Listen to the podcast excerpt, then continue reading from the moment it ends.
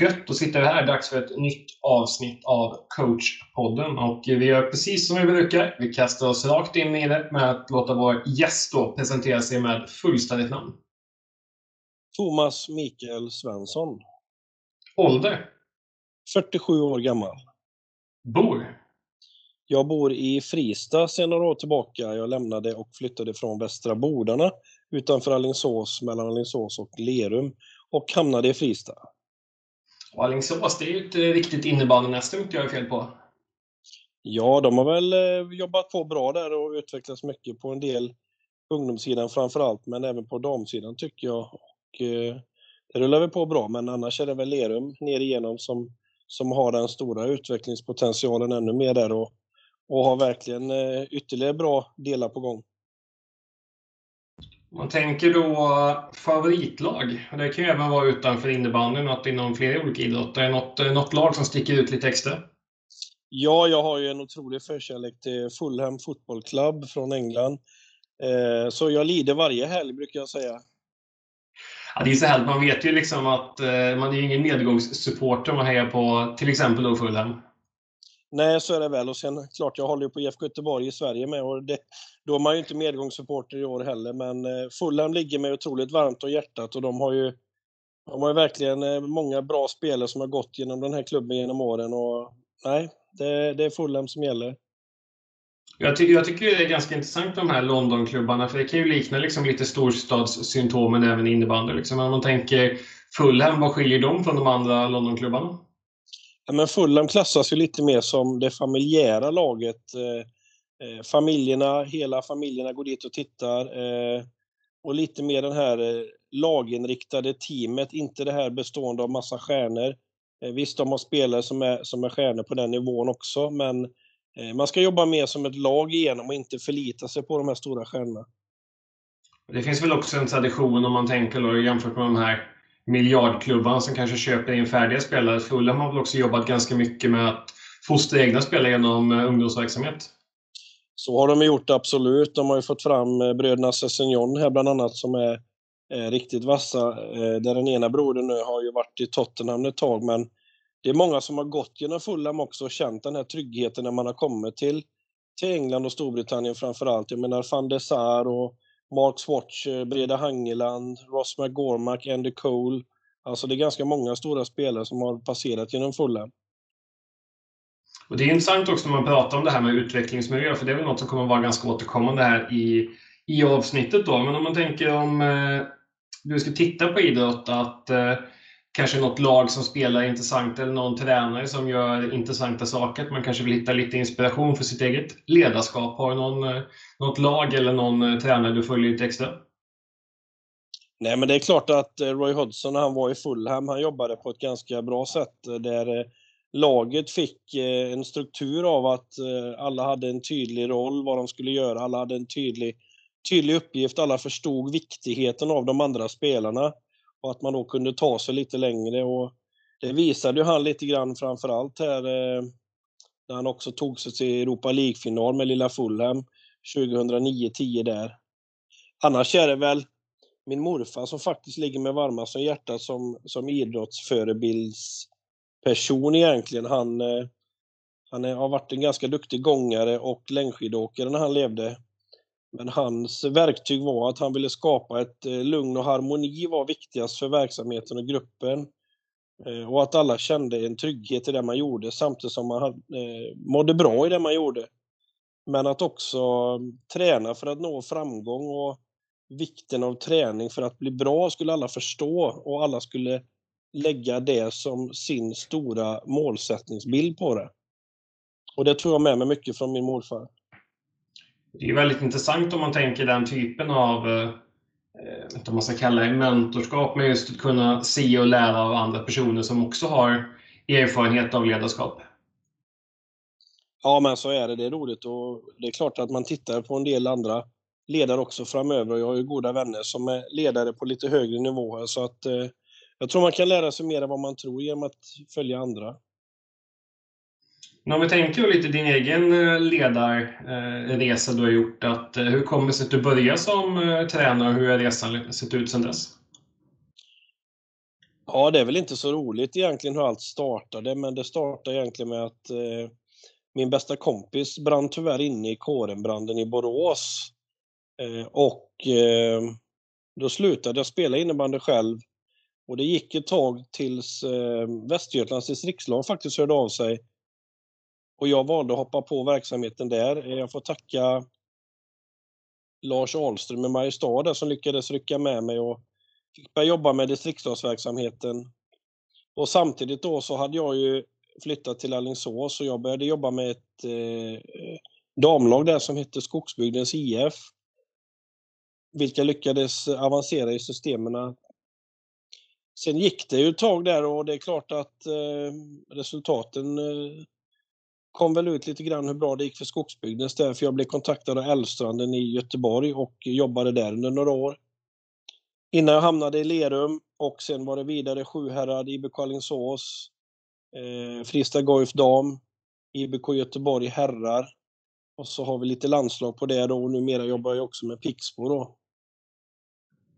Det är ju, det är ju många saker här man direkt blir nyfiken att eh, dyka ner i. Och en av de första grejerna jag tänker direkt där, det är ju, du nämnde Västra Götalands distriktslag, om man tänker SDF och SM. Att, eh, kan du berätta lite om hur de ledaruppdragen har sett ut och liksom vilka, vilka utmaningar det har medfört? Men distriktslag är otroligt roligt att jobba med för man vet att det är spelare som verkligen vill vara på plats och maxa sig själva och har en tydlig målmedvetenhet vad det är man vill göra. Eh, och lära ut då till de här killarna som man vet, eller tjejerna som faktiskt ska ta klivet sen och bli våra nästkommande stora talanger, eh, U19-landslagsspelare, kanske seniorlandslagsspelare och få jobba och ge dem de här extra taktiska verktygen, alltså både taktiskt och tekniskt i hur man ska ta sig innebandystegsmässigt en gång till. Så tycker jag att distriktslaget är en otroligt bra språngbräda på den delen och det ska vara det ska vara utbildning och utveckling när man jobbar med distriktslag. Man ska känna att man får det när man kommer till distriktslagen. Om man tänker, du har kört eh, rätt många kullar, både killar och tjejer. Brukar det vara stor skillnad mellan årgångarna eller just mellan killar och tjejer? Ja, så är det. Jag har både varit i Västergötland och Göteborg då. Det är klart att det skiljer sig otroligt mycket mellan åren, så är det. Eh, ibland kommer det sådana här riktigt starka kullar, men Ibland är det också så att det finns årgångar där det finns någon extremstark spelare som är riktigt, riktigt bra och eh, kan göra det där lilla extra. Det brukar vara så att på tjejsidan, om du har någon som sticker ut lite extra, så brukar det vara lite enklare kanske att ta sig lite, lite längre. Killsidan så, så måste du ha en grupp där det består av väldigt mycket bra spelare för att få ihop det på ett bra sätt och kunna gå långt också mot medaljerna. Det har varit ganska stor eh, debatt här de senaste åren just kring SDF-SM, i vilken ålder den ska spelas, om det ska vara en eller två turneringar. Tidigare så har det då varit eh, att man spelade två stycken, ett 15 och ett 17 års SM. Och nu ligger vi på ett 16 års SM. Har du några tankar kring vilket upplägg du föredrar? Jag gillar ju det här 15-17. Jag tyckte det var ganska bra ålder att få se dem i. Framförallt två stycken SM tyckte jag var väldigt bra. Sen kan jag väl förstå att man kanske inte vill i 15-årsåldern nu direkt peka ut och ta ut de bästa spelarna. För det är alltid några som plockas bort och det kan ju finnas de bästa spelarna bland dem också. Men 16-18 skulle jag nog gärna vilja se, tycker jag, och fortfarande ha två SM och inte bara ett SM. Jag kan tycka personligen, alltså, jag lägger inte jättemycket tankar i just eh, 15 eller 17, men jag tycker alltid att det är tråkigt när ett stort innebandyevenemang försvinner för sporten. Liksom. Ja, jag håller med dig och eh, jag tror att eh, det hade gynnat utvecklingsmässigt om man får tillbaka det här 16-18 års då, om man inte vill välja 15-17 utan, utan ha 16-18 så tror jag att det hade faktiskt gynnat utvecklingen att ta tillbaka det också. Jag tror inte att det inte att det hade gått tillbaka utan att det hade höjt det igen tror jag. Och om vi tänker liksom rent eh, coachingmässigt att eh, sätta en spelstruktur med lagen, att oftast har man ju ganska ont om tid med distriktslagen, att man kanske bara har ett fåtal samlingar, många spelare utspridda över stor, stora ytor och geografin kanske inte alltid så fördelaktig. Men om man tänker liksom på så kort tid, hur mycket spelsystem och speltaktiskt hinner man sätta? Man kan väl börja med att säga egentligen att ta ut och scouta spelare är det viktigaste också, att man visar sig som distriktstränare på matcher, träningsmatcher, kanske till och med besöker träningar med lagen för att spelarna kan oftast inte på en träning visa, alltså på en uttagningsträning med distriktslag, kanske man inte alltid kan visa sitt rätta jag och sitt bästa jag, utan jag tror ibland att man gör det i hemmiljön och det tror jag kan glömmas av lite ibland att man måste komma ut mer och se de här spelarna som aktuella för att hitta rätt spelare till distriktslaget. Men eh, ja, ska man titta på det här som du pratar om, spelidé och taktisk del, så det är klart att man måste sätta vissa delar, men man måste nog använda spelarnas rätta del mer, att få ut så mycket som möjligt av varje spelare och hitta de spelarna som man tror att man kan få ut så mycket innebandy utav och deras kvaliteter under ett SM som möjligt. Ja, det är otroligt intressant och det är väl också ett, eh, ett ledaruppdrag man kan rekommendera folk som brinner för sporten och liksom kanske också vill testa på något nytt, att kanske söka som distriktslagsledare? Det tycker jag. Det är en eh, utmaning, utveckling och framförallt ett otroligt eh, roligt ledarskap eh, att jobba med. Så att det kan jag tipsa om absolut härliga förutsättningar och man får sätta fantastiska målsättningar och det ger en otrolig utveckling. Och om vi fortsätter lite i din eh, ledarkarriär här. Du nämnde, nämnde landslag också, det tycker jag är en otroligt intressant del. Att, eh, du har ju varit på väldigt spännande platser som du får berätta lite om här. Ja, men jag hamnade ju i mitt första landslagsuppdrag så hamnade jag faktiskt i Holland till slut. Jag jag var på gång ner till Danmark men hamnade i Holland. Eh, lite överraskande, fick ett mejl och sedan ringde de upp mig och ville att jag skulle komma ner och kika lite på hur det fungerade där nere. Så att de bjöd ner mig till eh, Holland under en helg. Jag åkte ner och träffade lite intressanta människor. Fick ge mig av och titta på en landslagsträning. Men bestämde väl ganska snabbt när jag lämnade Amsterdam där satt eh, på väg hem från Schiphol och eh, då bestämde jag väl att det var ingenting för mig. Det var ganska mycket att jobba med kände jag. Och det gick ett tag hemma så fick jag ett mejl igen eh, där det stod att man ville knyta kontakt med mig ytterligare en gång och skulle återkomma då. Eh, och det gick någon dag till där sen så ringde man upp mig och ville bjuda ner mig en gång till. Och då berättade jag att jag hade bestämt mig redan att det var inte aktuellt kanske för min del. Men de stod på sig och sa att eh, de hade tackat nej till alla de andra och eh, ville gå vidare med mig. Så jag blev lite nyfiken och eh, gav mig ner en gång till och träffade då förbundsledning och eh, andra människor som skulle vara runt mig. Även min assisterande då, en finsk tränare.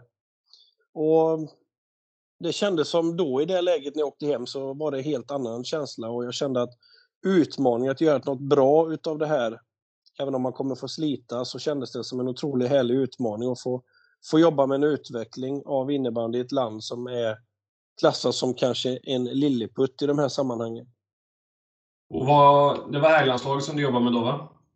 Ja det stämmer, jag jobbade med herrlandslaget men var även eh, mentorledare till U19 och jobbade även med ledarutveckling och utbildning.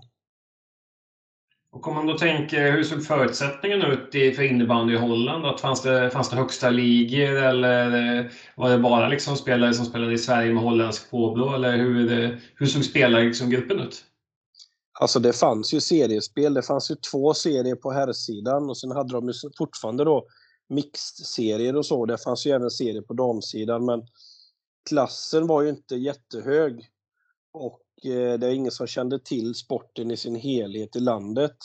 Utan man fick verkligen jobba, det fanns inte så mycket spelare och samlingar som man kunde välja på utan de 30-36 spelare som man fick jobba med till att börja med, det, det var ju några stycken utav dem kanske, det, vi pratar om att det fanns tusentals spelare i landet som man kunde välja på, det var allt. Det, det är ju otroligt intressant att se liksom att vara med i en process i så tidigt skede av utvecklingen. Att eh, hur, liksom, hur, hur mycket landslagssamlingar och sånt hade ni, hade ni möjlighet att ta? Ja, vi fick ju ganska bra förutsättningar ändå för att jag ville ju verkligen göra något bra utav det här. Så att vi fick ganska bra förutsättningar. De hade en bra grupp som jobbade fram ett jättefint avtal med det största gasföretaget i Beneluxländerna. som gick in och stod bakom ekonomiskt de här bitarna med. Så att jag var nere väldigt mycket. Eh, under ett VM-år så kunde jag exempelvis vara nere varje månad vid ett tillfälle. Så att eh, det var ganska mycket samlingar faktiskt. Men det visade sig också att det var frukt här för att vi lyckades ju klättra med Holland ganska mycket på, på rankingen då som det hette och gick väl tror jag från Och de här åren som jag jobbade då, fyra och ett halvt år, så gick vi väl från 20 till 14 om jag inte minns helt fel. Och hur funkar det? Är det liksom eh, att man spelar träningsmatcher mot andra länder eller i samband med mästerskap? Eller hur ser, hur ser upplägget ut?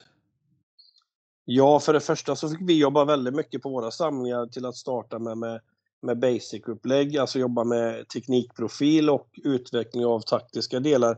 Hur man ska agera, jobba, stå rätt, vrida sig rätt, vända. Vilka ytor är viktiga, försvar, anfallstänk. Det var ganska mycket sånt från början som vi kanske jobbar med här i Sverige som man tar för givet att man sätter redan i tidigt stadie på ungdomsnivå. Där fick man nu börja försöka implementera liksom i de här 17, 18 och kanske 25-åriga killarna. Så att eh, förutsättningarna är lite annorlunda och eh, det var mycket jobb. Men det är klart att vi var också ute på, på olika Nations Cup i bland annat Ungern och Belgien och mötte andra landslag fram till det var VM-år. Och VM, hur, hur spelas det? Åker alla liksom landslag som finns på samma VM eller fanns det ett A och B-VM eller hur såg det ut där? Ja, på den tiden så har du helt rätt där. Då var det ett A och ett B-VM, en A och en B-pool. Då var det inga kval i Europa, utan då hade man en A och ett B-VM som man hade i hockey även på den tiden. Där eh, vinnaren gick upp till A och eh, de som åkte ur, ur A-VM då åkte ner till B-gruppen så att eh, Holland höll sig i B-poolen då. Och om man tänker vidare sen att eh, när du, var, när du var klar i Holland så blev det ytterligare ett landslagsäventyr då? Ja, det stämmer. Jag fick frågan faktiskt när jag var i Holland om att kliva på Tyskland då som hade tyvärr då åkt ner i B-poolen och ville ju då jobba fram någonting så man kunde ta sig tillbaka och falla tillbaka på något något starkt eh, taktiskt eh, där man skulle ta sig tillbaka till A-poolen igen. Så att jag fick en fråga att kliva på Tyskland och eh, valde då att avsluta mitt uppdrag i Holland och klev på Tyskland och jobbade med dem under några år. Eh, både som taktisk eh, individuell coach men även eh, förbundskapten också då. Om man tänker skillnader i förutsättningar där, fanns det mycket mer spelare i Tyskland eller hur såg det ut där? Ja, spelarmässigt eh, var det ju såklart mycket mer i Tyskland. De hade ju också spelare som eh, hade lämnat Tyskland för att spela i schweiziska högsta ligan så att där fanns ju bättre spelarförutsättningar. Men ekonomiskt del så var ju Holland ändå väldigt bra för att de hade anknutit en sån stor, stor sponsor till sig. Och det var något som tyskarna fick jobba med under många år när jag var där. Det var just den ekonomiska biten för att få den att fungera också. Och om man tänker då antal landslagssamlingar med Tyskland, att, eh, kunde ni samlas lika ofta som i Holland eller hur såg det ut där?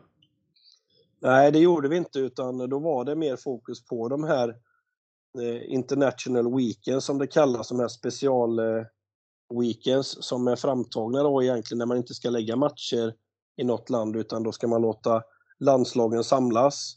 Eh, sen hade vi några ytterligare tillfällen där vi jobbade med framförallt individuella delar eh, duellspelsutveckling och beslutsfattning och sånt där vi samlades några extra tillfällen.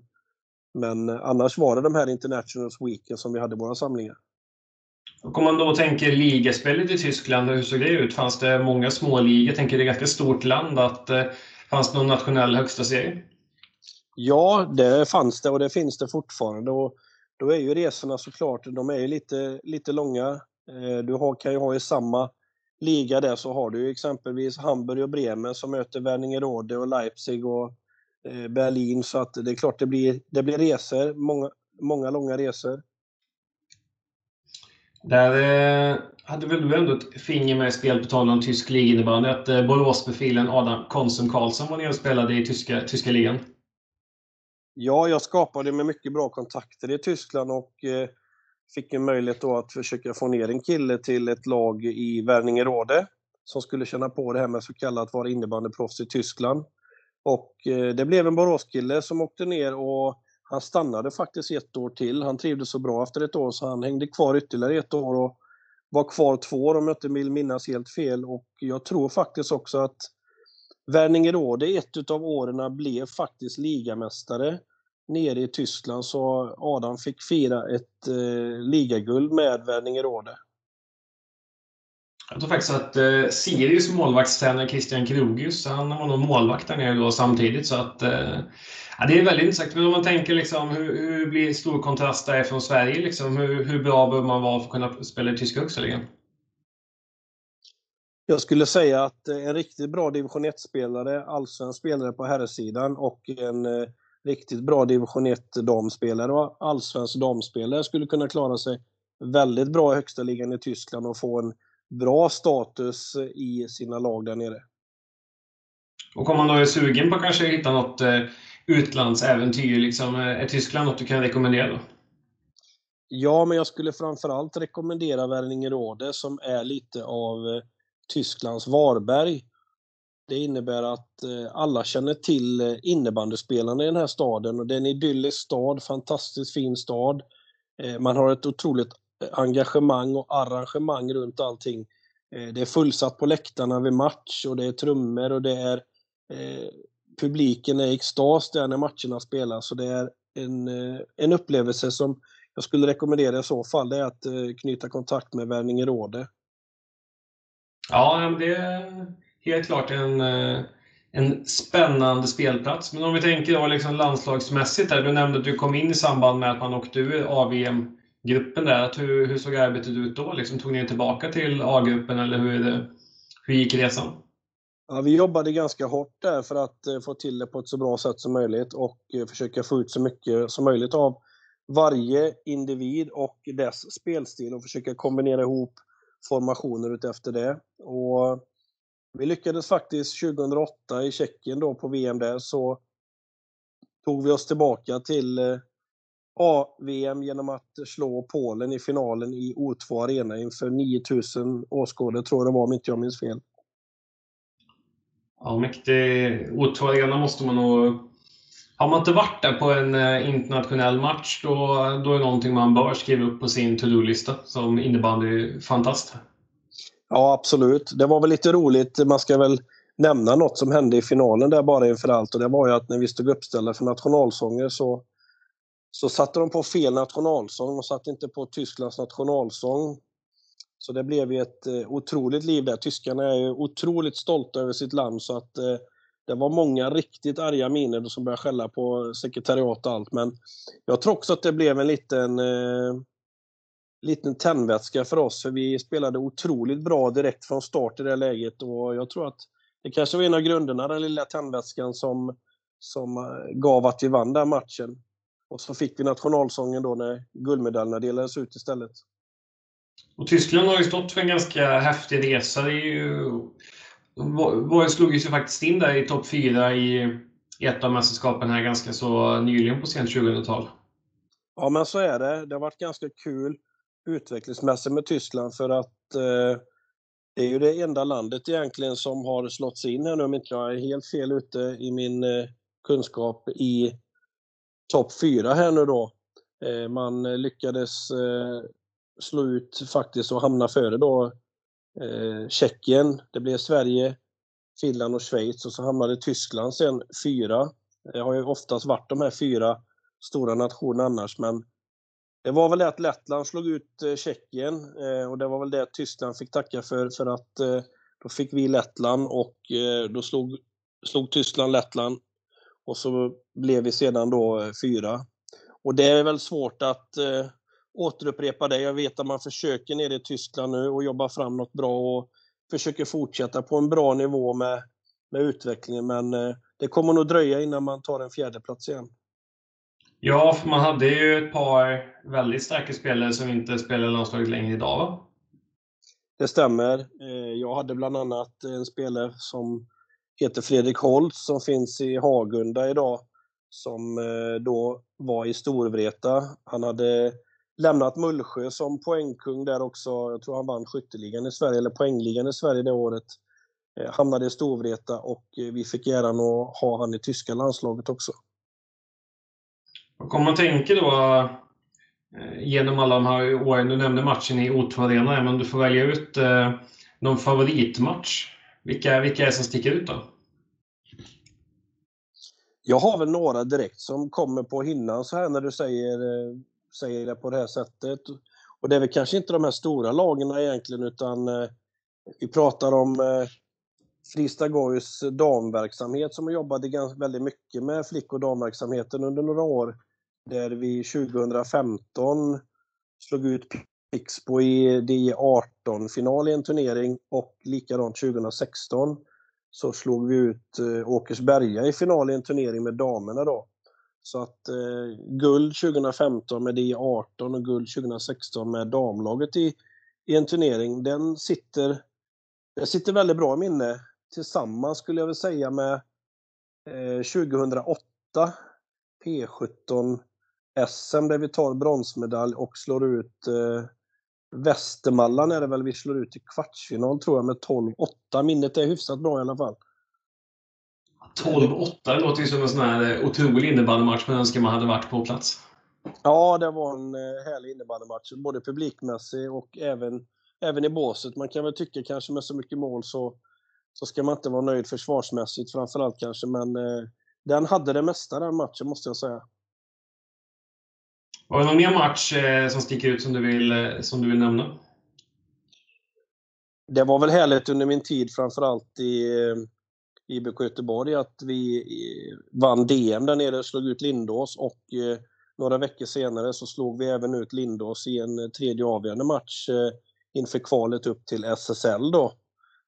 Den sticker väl ut lite också i minnet framförallt för att vi blev lite hånade i andra matchen när vi vann första och Lindås vann då andra och Lindås skulle ha då den avgörande på sin hemmaplan.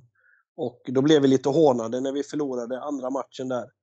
Eh, men eh, vi kände att vi hade det som krävdes för att åka ner på söndagen sen och vinna tredje matchen och det gjorde vi ganska komfortabelt så det var en ganska skön känsla. Ja, men det är, det är alltid godare att vinna om man vet att det är lite, lite grinigt mellan lagen också. Så är det, men så ska det också vara när det är sådana matcher. Så att eh, det är inga hard feelings. Och om vi då tänker liksom att du ska få chansen att eh, dela en kanna kaffe med eh, någon person från innebandyvärlden som eh, du är sugen på att prata lite innebandy med, då får du tänka att tid, plats och språk inte är någon begränsning. Ja, eh, nej men jag skulle nog säga, jag skulle vilja träffa igen eh, Henk Schuster från eh, Nederländerna. Man kan säga att det är eh, Mr Innebandy i Holland som jag träffade i början när jag fick mitt uppdrag i Holland. Eh, han jobbade också mot Unihoc då, så han var Mr Unihoc där nere. Eh, men en otroligt sympatisk eh, äldre man, eh, härlig och eh, verkligen lobbade för att den här sporten innebandy skulle växa och breda ut sig i Holland. Nej, men det var väldigt, eh, väldigt klokt val om man då tänker. Hur ser innebandyn ut i Holland då?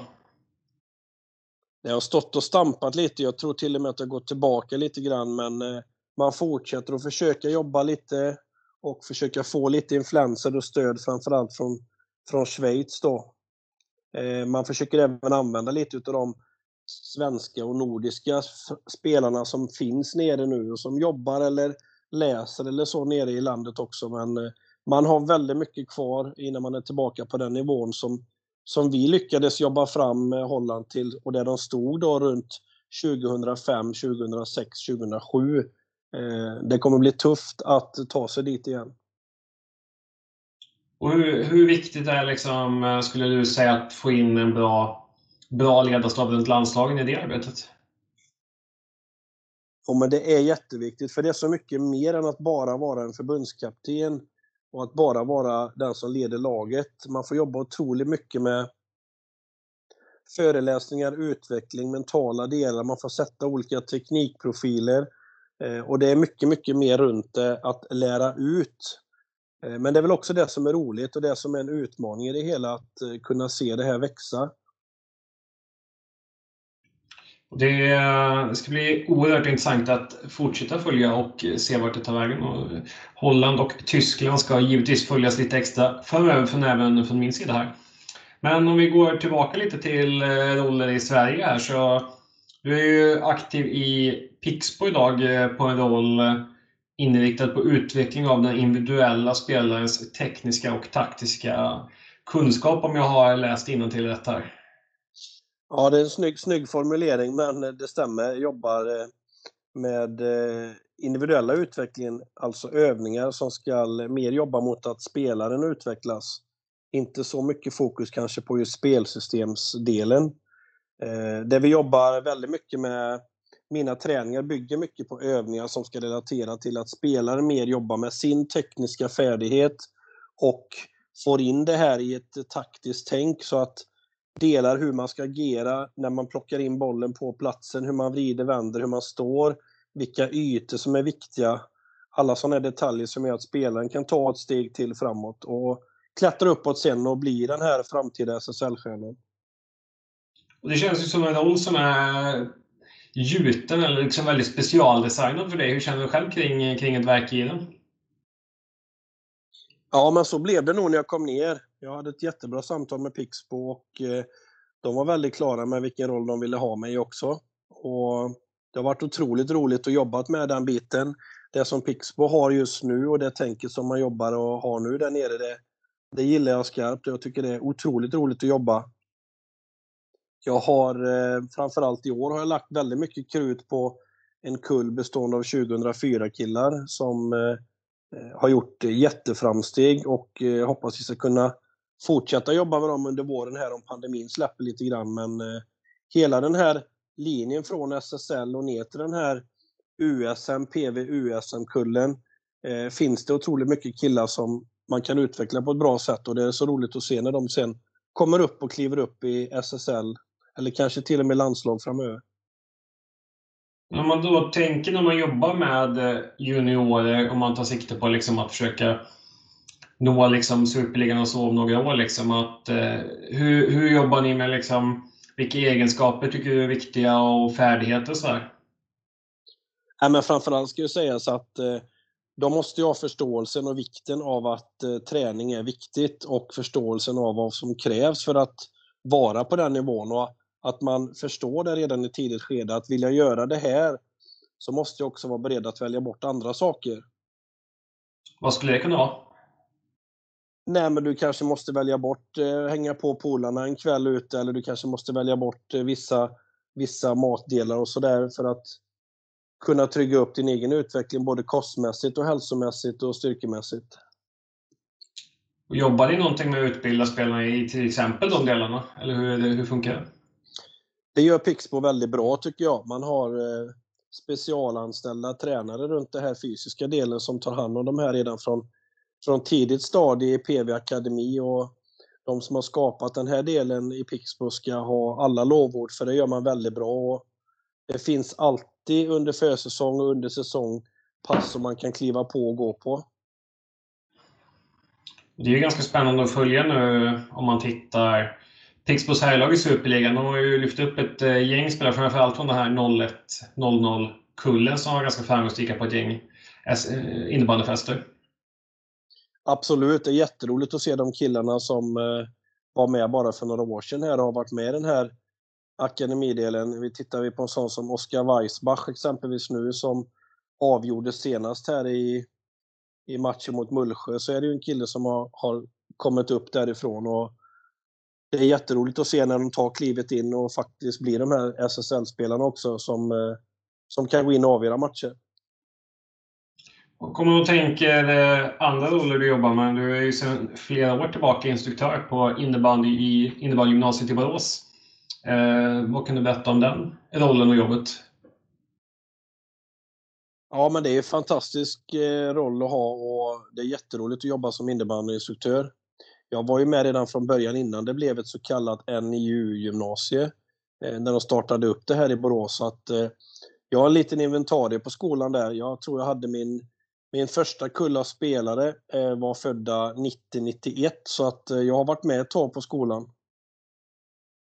Och kommer du att tänka liksom den rollen, den blir ju lite speciell då jämfört med ett klubblagsuppdrag där man kanske inte har det här att man tränar för matchen. Utan det, och det, det finns ju inte så många matcher att tillgå just inom, inom skoldelen. Att, hur jobbar man eh, runt det? Nej, men viktigheten blir ju individen. Det blir ju innebandyspelaren eh, som blir det som ska vara i fokus. Att man kartlägger och följer upp spelaren i hela den tekniska utvecklingen, den taktiska utvecklingen, den atletiska utvecklingen och den mentala utvecklingen. Eh, och verkligen sätter de här delarna som man kan hitta. Vad behöver den här spelaren jobba med exakt för att ta sig de här kliven extra? Så när man går ur gymnasiet ska man känna att man har fått en så bra grund att stå på att man faktiskt kan ta ett par kliv till upp mot en spelare på elitnivå innebandy. Jag kommer att tänka regionen eh, Västra Götaland och Borås där, att hur, hur ser liksom närområdet ut med föreningar och antal spelare och sådana saker? Jo, men den här regionen här nere då som kallas Sjuhäradsbygden är väl ändå ganska stor. Jag skulle tippa på att den är störst i, i Västergötland faktiskt med antal licensierade spelare om man börjar räkna. Men eh, det finns ju inget riktigt elitlag här. Vi har ju Fristad som ligger på division 1-nivå. Men däremot så har vi lag runt om som vi samarbetar väldigt bra med och där vi har försett de lagen med spelare. Jag tänker då på Varberg, Pixbo, Jönköping, Mullsjö. Så att vi har väldigt nära till många bra elitlag och eh, det är ju ingen nackdel med att vara hos oss och ha ändå så nära till de här elitlagen så att eh, vi har ett bra samarbete med dem och det ger oss också möjlighet att skicka spelare på provträning och sånt. Du har ju även varit, eh, i och med att jag själv är bördig från regionen, så har jag även haft förmånen att ta del av, av delar av arbetet. För du har jobbat även med eh, i kringliggande klubbarna med olika typer av eh, föreläsningar och sådana saker som har varit, eh, inte bara för eleverna utan även för då föreningen att ta del av. Ja, jag gillar ju det här med föreläsningar och utbildning och utveckling och tror att eh, man framförallt ska lyssna och våga ge andra ledare utveckling och utbildning och att andra ledare ska ta till sig och lyssna på andra. Och jag jobbar fortfarande med att försöka få olika intressanta människor som jobbar med innebandy att komma till det här området och berätta och prata om innebandy. Vi har ju haft bland annat på plats här Kent Göransson när han var förbundskapten men som också då var ledare i dragkampslandslaget, svenska, som kanske inte många har koll på. Sedan har ju innebandyns fader, Karl-Åke Ahlqvist, har vi haft på plats. Andreas Harnes, Kimmo Eskelinen med mera, med mera. Och jag tror att eh, det är något som man glömmer lite grann, hur viktigt det är att få lite input från andra. Du ska få en, eh, en väldigt eh, speciell liten fråga här. Du kommer hitta en magisk innebandyboll som uppfyller tre stycken innebandyönskningar. Och hur skulle du välja att investera de här tre önskningarna? Oj, svår fråga, men jag skulle nog säga att första blir väl direkt, om jag tänker på att eh, man kan använda önskningen till det, så är det väl att eh, den här pandemin lägger sig och försvinner så att eh, alla där ute återigen får dra ett leende på läpparna, komma ut, börja träna tillsammans igen, träffa varandra och ungdomarna framförallt får sätta fart igen med sin energi och sin glädje av att spela som man har i den här sporten. Ja, det var en, det var en väldigt bra första önskning. Sen skulle jag väl säga att eh, jag tycker att min andra önskning hoppas att innebandyn växer. Jag hoppas att eh, det fortsätter framförallt att växa i de här länderna som ligger lite bakom de här fyra stora så att man kanske i framtiden när man åker till ett VM så kanske man inte ska vara så säker på att det är just Sverige, Finland och Schweiz som ska stå där i en, i en semifinal utan det ska kunna finnas lite överraskningar på vägen och att eh, länder då som är där bakom faktiskt tar jättesteg och växer så att man eh, kanske VM i framtiden eller OS kan eh, utmana de stora lite, lite mer så det blir lite mer intressant just de matcherna också. Ja, också en uh, klok önskan. Sedan får man uh, ta tredje önskningen. Det får väl bli att innebandyn fortsätter att utvecklas på ett bra sätt och eh, blir rolig att titta på, men också att eh, sponsorer och sånt och företag förstår vilken glädje den här sporten eh, kan delge och kanske kan även ekonomiskt börja lyfta innebandyn så att vi lik fotbollen, handbollen och ishockeyn faktiskt till slut kan få lag som kan leva på det här och spelare som faktiskt kan vara innebandyproffs i framtiden. Ja, nej, men det, det var tre kloka och välinvesterade önskningar som vi hoppas att alla uppfylls inom en snar framtid. Där. Men om vi tänker en, eh, vi leker med tanken här att all, eh, alla pandemirestriktioner och eh, pandemin i sin helhet bara blåser förbi över, över natten. Och fin tanke är väl det, men om matcher sånt där skulle dra igång, att, finns det någon match här som du ser lite extra mycket fram emot? Ja, det är jättesvårt att säga. Det, det som kommer mig på hinnan direkt så här, det är väl i så fall att eh, eftersom jag är med lite grann runt Pixbos P04 så ser jag fram emot nästa regionsrunda i SM för PV Akademi USM-truppen. Den ligger väldigt varmt om hjärtat just nu, nästa steg där. Men sen är det ju att få komma igång. Jag jobbar mycket med Fristad Goj, Frydboholms SKs, eh, JAS HJ, Röd Akademi. Att få sätta igång de träningarna igen med väldigt intresserade och eh, framförallt ansvarstagande spelare som vill komma igång och träna på ett bra sätt. Och likaså jobba med de här akademipassen i Fristad som bygger mycket på också individuell utveckling på blå och röd nivå. Eh, att få fortsätta att jobba med det. Det är väl det jag ser fram emot mest. Och eh, nästa segment här i, i avsnittet där ska jag få svara på fem stycken snabba och eh, impulsiva frågor. Känner du beredd? Ja, vi kör. Första frågan då. Match eller träning? Jag måste ju svara träning. Jag älskar ju det här med att lägga upp träningar och skapa övningar som eh, ger utveckling. Powerplay eller boxplay? Det får bli powerplay. Det är något jag tycker är otroligt roligt. Skott eller pass? Det får ju bli passning där, för jag älskar att jobba med just det här att hitta ytor och genomspel och hur man ska vrida och vända för att hitta de här passningarna bra in till specifika ytor. SSL, SSL herr eller SSL dam? Det blir SSL herr. Klubblag eller landslag? Jättesvår fråga. Eh, det är en utmaning med eh, landslag, men eh, det är klart att herrlag, SSL, det är härlig nivå, men nej, jag får svara landslag på den.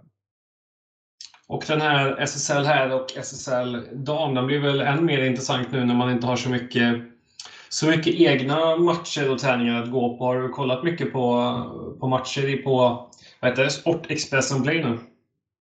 Ja, jag har kikat lite och följt det lite grann där, men det är väl lite så nu när det inte finns andra matcher heller, man kan besöka hallar och titta på och sådär så jag tycker ibland att det känns som man tappar lite, lite glöd. Det är inte samma att sätta sig framför TV längre och följa match efter match efter match, utan man, man vill gärna ha de här när man besöker en, en lördag, besöker en hall någonstans eh, på landsbygden och ser någon match och följer någon spelare man vill titta lite extra på som går kanske på gymnasiet.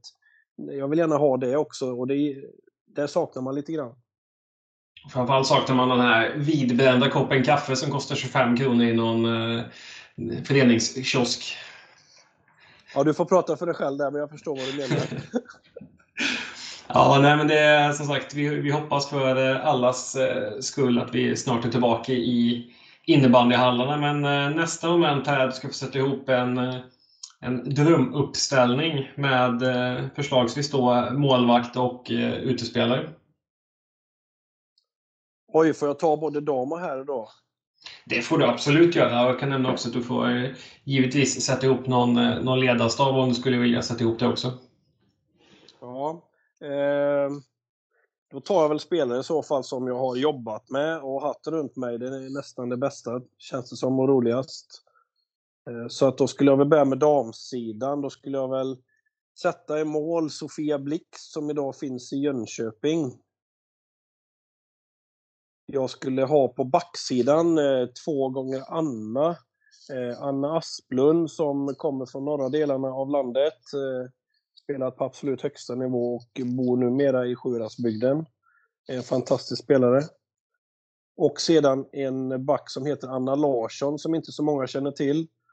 Eh, hon spelade i Skogsbygden och Östa Kulle ute i Alingsåsområdet för många år sedan men en spelare med otrolig spelblick, eh, avslut och eh, fysiska egenskaper som gjorde att man kunde ha henne på planen i 20 minuter utan att byta henne mer eller mindre, men hon, eh, hon gjorde nästan allt rätt jämt hela tiden och hade utan tvekan kunnat spela på en elitnivå. Ja, det var en, var en bra start med back, stabil back och målvaktsuppsättning där. Ja, vi tar väl ett 2-2 system då, så att vi ska väl hitta en center här. Eh, då står det mellan Mario Nieminen i Lockerud och Susanne Gustafsson från Älvstranden. Eh, Susanne eh, som faktiskt är från Lockerud från början. Eh, men det får bli Susanne Gustafsson, vår lagkapten som vi hade i Älvstranden. En eh, fantastisk spelare. Och sedan blir forwardsparet blir eh, Julia Larsson som tog SM-guld med Pixbo. Och så blir det Alexandra Rysell Johansson som både har varit i Pixbo och Jönköping. En otroligt driven person som verkligen går in för allt till maxat 100% som hon gör. Det var en, var en stark eh, damuppställning om vi går vidare till eh, herrfemman. Herrfemman så får det nog bli målvakt Jonathan Larsson i Mullsjö. Och det beror mycket på den resan han har gjort från eh, det att han, eh, liten kille som klev på och kom med i Borås IBFs seniorverksamhet, klev på gymnasiet och var kanske inte riktigt den talangen från början men eh, valde en annan väg och det var att eh, göra allt rätt under ett tag och verkligen gå in för det här och tro på det han gjorde och det är därför står han där idag som han gör. Det är en otrolig, otroligt häftig resa han har gjort från eh, som även innefattar ett eh, unikt på Bosön. Jajamän, det stämmer bra det. Vi tänker backsidan framför eh, Jontimol då? Ja, backsidan får väl bli eh, första backen jag tar ut är min kollega på gymnasiet som jag har bredvid mig idag. Och det är Jesper Larsson från eh, Varbergs innebandy. En eh, också kille som eh, var lite en i mängden när han kom till gymnasiet men som eh, valde att växla upp rejält och verkligen satsade på det här att kunna ta sig ett steg till och det ser vi ju idag. Eh, han har tagit sig otroliga steg han har tagit sedan han klev från gymnasiet och ner till Varberg. Måste bara flika in där, det är en spelare som eh, man har coachat mot i Boråsområdet under alla år. När han ser det i Rydboholms eh, duktiga junior juniorlag där. Men eh, måste säga också väldigt funktionell. Han kan ju spela sitt spel på i stort sett vilken position som helst. Ja, det stämmer. Han gör ett otroligt jobb både som back, forward eller center. Det stämmer bra. Och backkollega till, till honom då? Ja, men det får bli Kasper Hedlund, Mullsjö, en eh, ledargestalt som eh, lyfter laget och framförallt har ett otroligt bra positionsspel i försvaret. Ja, men ett, eh, starkt backpar. Om vi tänker eh, framför dem då? Center får det bli eh, Ja, det blir nog uteslutet. Det finns ingen annan som kan hota det. Det får bli Rickard Hesmer som finns i Jönköping idag, men som är bördig från Tranemo. En kille som alltid verkligen maxade sig själv 100%, gick in och höjde sig när det behövdes som mest. Och eh, alltid visade sin omgivning att eh, det är nu det gäller och det är nu ni måste växla in och höja oss om det ska, ska gå vägen. Ja, ett starkt val. Och så blir det forward då. Forward 1 är väl inte så svårt heller att välja. Det blir ju Fredrik Holst då, som spelar i Hagunda idag, från tyska landslagstiden och även då han var ju Storvreta, Mullsjö och eh, numera i Hagunda då. Även hade väl en proffssejour också nere i Schweiz här. Nästa forward blir lite svår. Det är två stycken som tampas om den där. Jag hade en gång i tiden när jag tränade Lerum så hade jag två killar som var fantastiska att ha. De var radarpar ihop också. Mattias Olofsson och Thomas Andersson. Thomas Andersson som faktiskt tränade Pixbos herrar förra året, så vi hade väldigt mycket kontakt med varandra igen. Det var roligt. Eh, det är svårt att plocka bort en av dem där, så eh, vi får väl fråga om de får gå varannat byte då. Ja, men det är helt okej. Det är ju en eh, gammal fin klassiker. Ja, vi köper den då. Om vi tänker någon eventuell ledarstab där? Ledare som jag haft runt mig och fått äran att jobba med, så får väl på herrsidan får vi väl överlåta ledarskapet till David Jansson som numera finns nere i Schweiz och jobbar med landslagsbiten och utvecklingen i Schweiz. Han får köra tillsammans med en kille som heter Marco Juska som är från de här områdena här nere, eh, men finns väl idag i Örebroregionen. En otroligt eh, duktig kille som i tidigt stadie eh, på 2000-talet visade att han hade kunskap som kunde vara väldigt bra och utvecklande för de människorna han jobbar med. Har du någon ledarstab även för damsidan? Jag sitter och funderar, men jag får väl göra så att jag får väl delge den till mig själv i så fall. Och så får jag ta med mig eh, Jonas Slätt som jag jobbar med i Pixbo idag, som jag gillar mycket som person. Vi har mycket bra tankar och snack med varandra och ett telefonsamtal kan rinna iväg upp mot en, två timmar när vi sitter och diskuterar innebandy och allt runt om det där. Eh, men så väljer jag också att ta med mig en kille som jag hade under mina år i Älvstranden faktiskt. Och det är Christian Svensson som idag jobbar som skribent på Innebandymagasinet. Eh, vi var också ett otroligt bra team under den tiden. Ja, men det låter som gedigna och eh, spännande ledarstaber och det hade väl som alltid varit spännande att se de här uppställningarna i spel. Ja, det hade varit kul. Eh, känns väl lite långsökt, men eh, det hade varit roligt att se. Ja, och eh, med det sagt så tackar vi för många bra och kloka svar. Eh, och stort tack till dig Micke som har tagit dig tid att medverka i coachpodden. Ja, tack själv och så önskar vi alla där ute att eh, må väl och ha ett bra 2021.